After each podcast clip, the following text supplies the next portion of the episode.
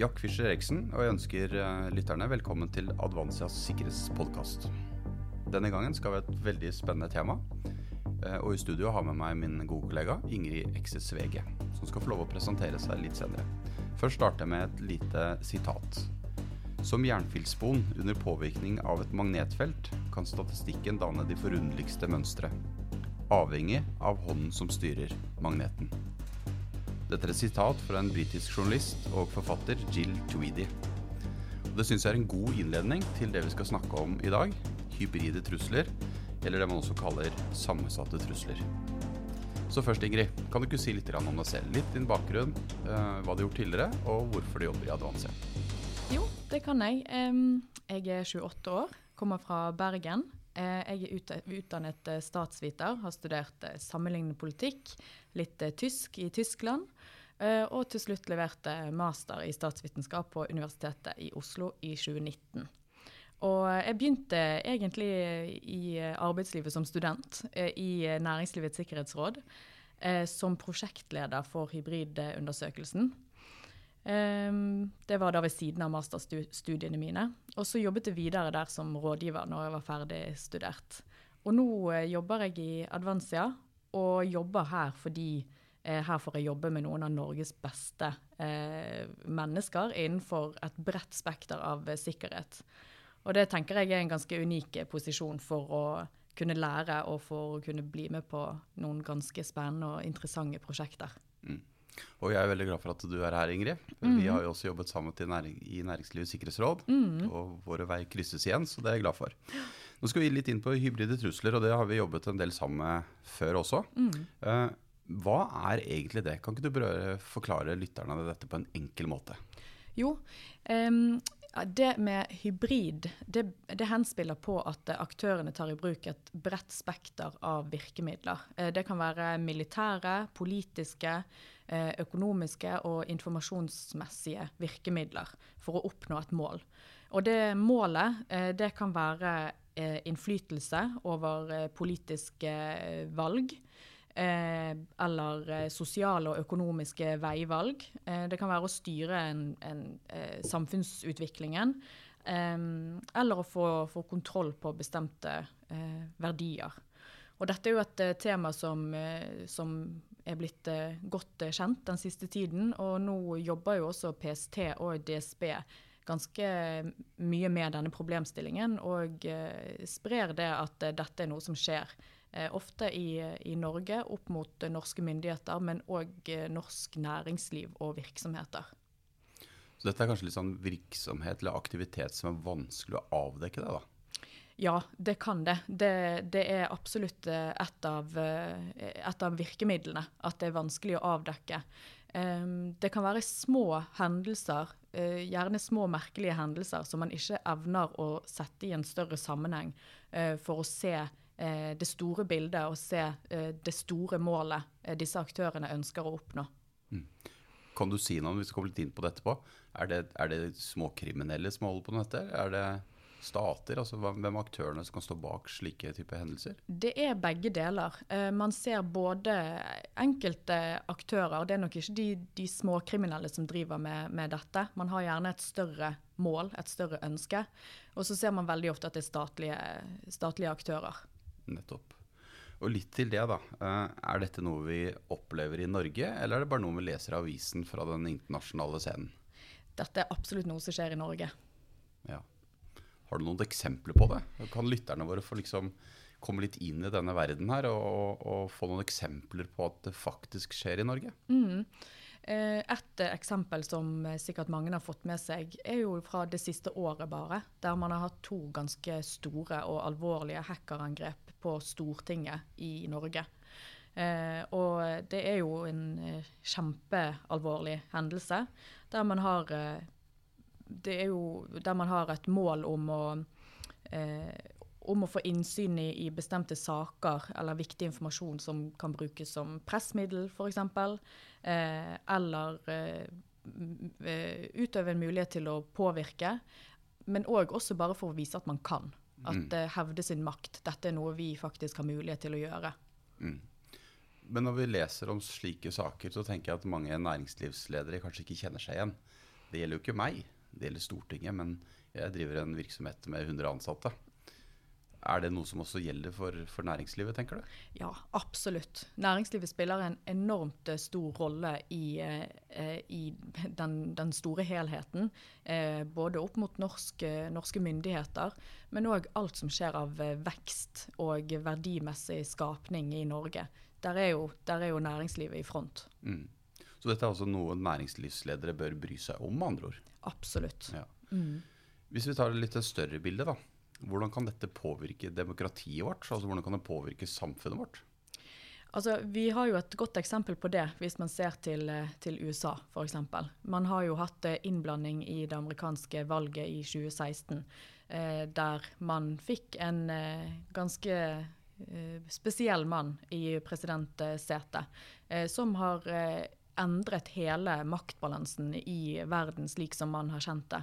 Eh, og som har eh, skapt eh, uro, polarisering, skiftende maktbalanser og til dels en, en mer utrygg verden.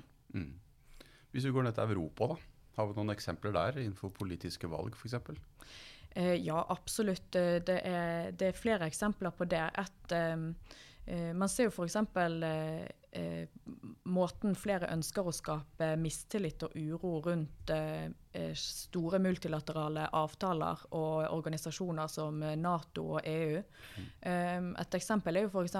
i eh, Litauen, der det har vært flere tilfeller av fake news som har blitt spredt rundt. Der det er blitt, blitt, hevdet at Nato-soldater har um, voldtatt mindreårige jenter. Og dette er jo da et, i et forsøk på å, å, få befolkningen til å vende ryggen mot Europa.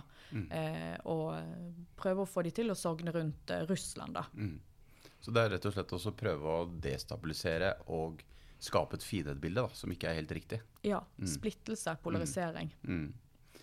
Og det er jo sånn at kunnskap er makt.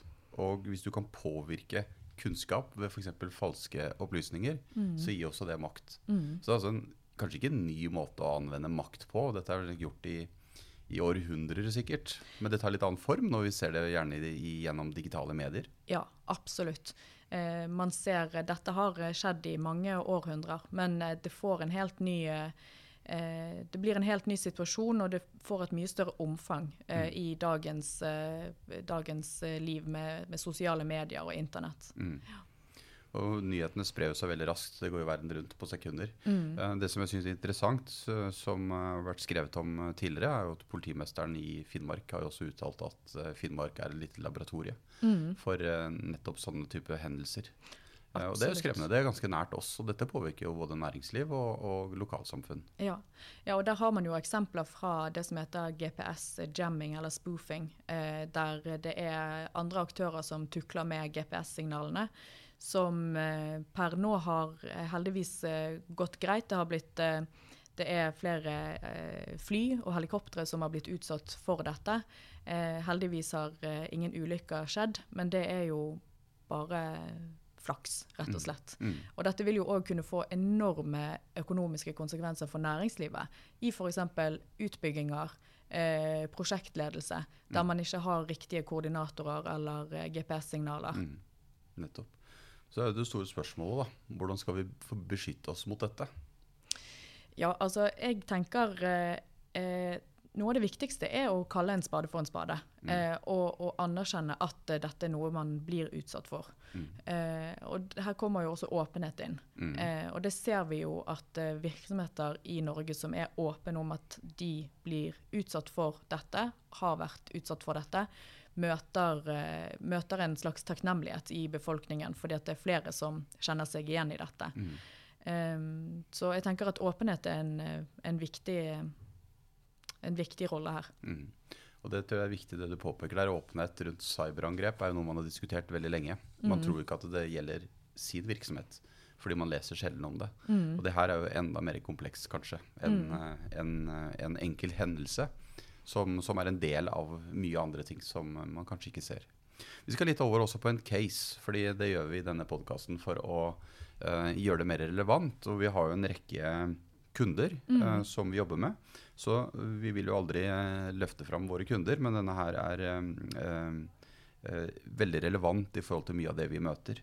Så vi har en, en kunde av oss som er underleverandør f.eks. For til Forsvaret eller annen virksomhet som er, eh, har en grunnleggende samfunnsfunksjon.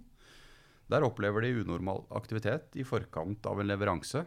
Eh, F.eks. unormal høy trafikk på, på nettsidene. Mye mistenkelig mail til ansatte som ikke har eh, forekommet tidligere. Selskapets leder får stadig eh, oppringt telefon fra skjult nummer. Eh, og I tillegg så har det også hatt driftsfeil i maskinparken, som ikke lar seg forklare egentlig.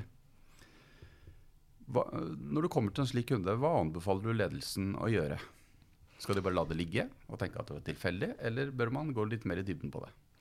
Nei, her tenker jeg at man absolutt skal gå litt i dybden en, en, en, av de tingene de allerede har gjort som er bra, er jo det å, å være klar over at de er underleverandør mm. til Forsvaret. Og at de vet hvilke type rolle eh, og avhengigheter Forsvaret har. De vet at de er underleverandør til en samfunnskritisk funksjon. Mm. Det er i seg selv veldig viktig. Mm. Eh, og videre så vil, vil det å, å, starte en kartlegging av disse hendelsene som virksomheten blir utsatt for, eh, være avgjørende. Eh, og på et punkt så må man også involvere medarbeiderne. Mm. Gjøre de oppmerksom på at uh, dette er noe som virksomheten blir utsatt for. de skal være litt obs på dette og dette, og de kan ta kontakt internt i virksomheten dersom de er usikre på henvendelser eller spørsmål eller ting som kan skje. Mm. Um, da er du litt over på egentlig min neste spørsmål også. Mm. Det handler jo om sikkerhetskultur. Mm. Og i en sikkerhetskultur så er det mange elementer. Og en av de er jo rapporteringskultur. Og hvis du ikke har en rapporteringskultur, så får du heller ikke vite om hendelsene. Mm. Um, så, så hvordan, hvordan, går man fram for å påvirke virksomheten til å bli mer, mer oppmerksom på dette? da? Har vi et system, eller uh, hva anbefaler vi? Ja, det, altså det å starte eh, med en, en, åpenhetskultur der man har eh, mulighet for å si fra. Eh, til og med når man har gjort feil, dersom man har trykket på en lenke eller besvart en e-post som man er litt i tvil, så skal det være rom for å si fra mm. Eh, om det. Og det, det, at det skal bli tatt, eh, tatt godt imot uten eh, straff, er, mm. er, viktig. Og det er viktig for medarbeiderne å være klar over. Mm. Men, men, det skal jo òg være læringspunkter på mm. de eh, ved sånne hendelser. Så, så det å, å, å, jobbe systematisk med å gjøre medarbeiderne bevisst på eh, hvilken type situasjon eh, mm. virksomheten står i, og hvilke, hvilke funksjoner virksomheten understøtter. Mm. La oss si at dette, denne kunden har alle disse hendelsene vi nevner her. Mm. Eh, hvor skal de rapportere det? Altså Hvor kan de få hjelp ut fra uten at er jo, Vi er jo inne og bistår de, men mm. hvor anbefaler vi lederne å rapportere slike hendelser? Ja, Det er jo ganske tricky, for det er jo egentlig eh, et av måte, poengene med hybride eh, trusler. At eh, det skal være vanskelig å, å, fange det helt opp. Vite akkurat hvilke lover de bryter. Vite akkurat hva de egentlig gjør ulovlig. Um, så, så, det er jo vanskelig i seg selv. Men, men på, et, på, et, litt mer lokalt nivå så vil det jo naturligvis være politiet, f.eks., NSM eller PST, som er, er myndighetsoperatører eh, man kan ta kontakt med. Eh, og dersom dette her er noe som eh, skjer eh, over lang tid, så vil jo òg dialog med myndighetene være vel så viktig som på en måte enkeltrapporteringer av lovbrudd. Mm. Så det å skape en intern dialog om det, mm. men også en ekstern dialog, mm. er kanskje veien for å få kartlagt og uh, bli mer bevisstgjort da, ja. rundt uh, denne type problemstilling. Mm, mm, det vil jeg si. Så er jo mye av disse aktørene kommer jo gjerne fra utlandet også. Uh, hvor ikke jeg som virksomhetsleder f.eks. har noen muligheten til å påvirke det. Og det har mm. kanskje ikke myndighetsapparatet heller. Nei. Nei. men eh, myndighetene jobber tett opp mot eh, flere, flere internasjonale eh, organisasjoner rundt hybride hendelser. Det er, det er flere, flere, som ser alvorligheten i dette. Så bl.a. EU og Nato jobber tett opp mot hybride trusler. Mm. Jeg syns vi skal reklamere litt for vår tidligere arbeidsgiver eh, også, Igrid. Mm. Hybridundersøkelsen som ligger på Næringslivets sikkerhetsråds hjemmesider, anbefaler jeg å lese. Der er det mye spennende informasjon, og det viser også at det faktisk foregår. Mm. Jeg tenkte vi skulle gå inn til, eh, til litt avrunding her. Mm. Eh, hvis du skulle oppsummere de tre viktigste rådene Mm. som vi kan gi til virksomhetsledere, hva er det du vil peke på da? Um, til, til starten så vil jeg si at det er viktig å, å kjenne dine verdier som virksomhet. Og, og kjenne din rolle i næringslivet og i samfunnet. Eh, videre og bygge kultur. Bygg en åpen kultur, en sikkerhetskultur, eh, der det er rom for å si fra. Eh, og ikke minst opprette en dialog med myndighetene dersom man er er i tvil. Mm. Dette er gode råd som vi skal ta med oss eh, videre i vårt arbeid. Eh, og ikke minst så håper jeg også at eh, de lytterne som lytter til dette, eh, noterer seg det ned, slik at man kan lære av dette. Forebyggende aktivitet er jo viktig. Absolutt. Vi går inn for en oppsummering, og jeg takker lytterne for at dere har fulgt oss. Jeg håper dere syns dette var interessant. Hvis dere vil lese mer om Ingrid, så har vi laget en artikkel som også postes på både sosiale medier og hjemmeside. Du kan få vite litt mer om Ingrid. Og Er dere nysgjerrig på Advansia, så gå inn, også inn på hjemmesiden vår, advansia.no, og les mer om våre tjenester. Så takk til alle som har vært lyttere i denne korte stunden, og så høres vi igjen. Takk for nå.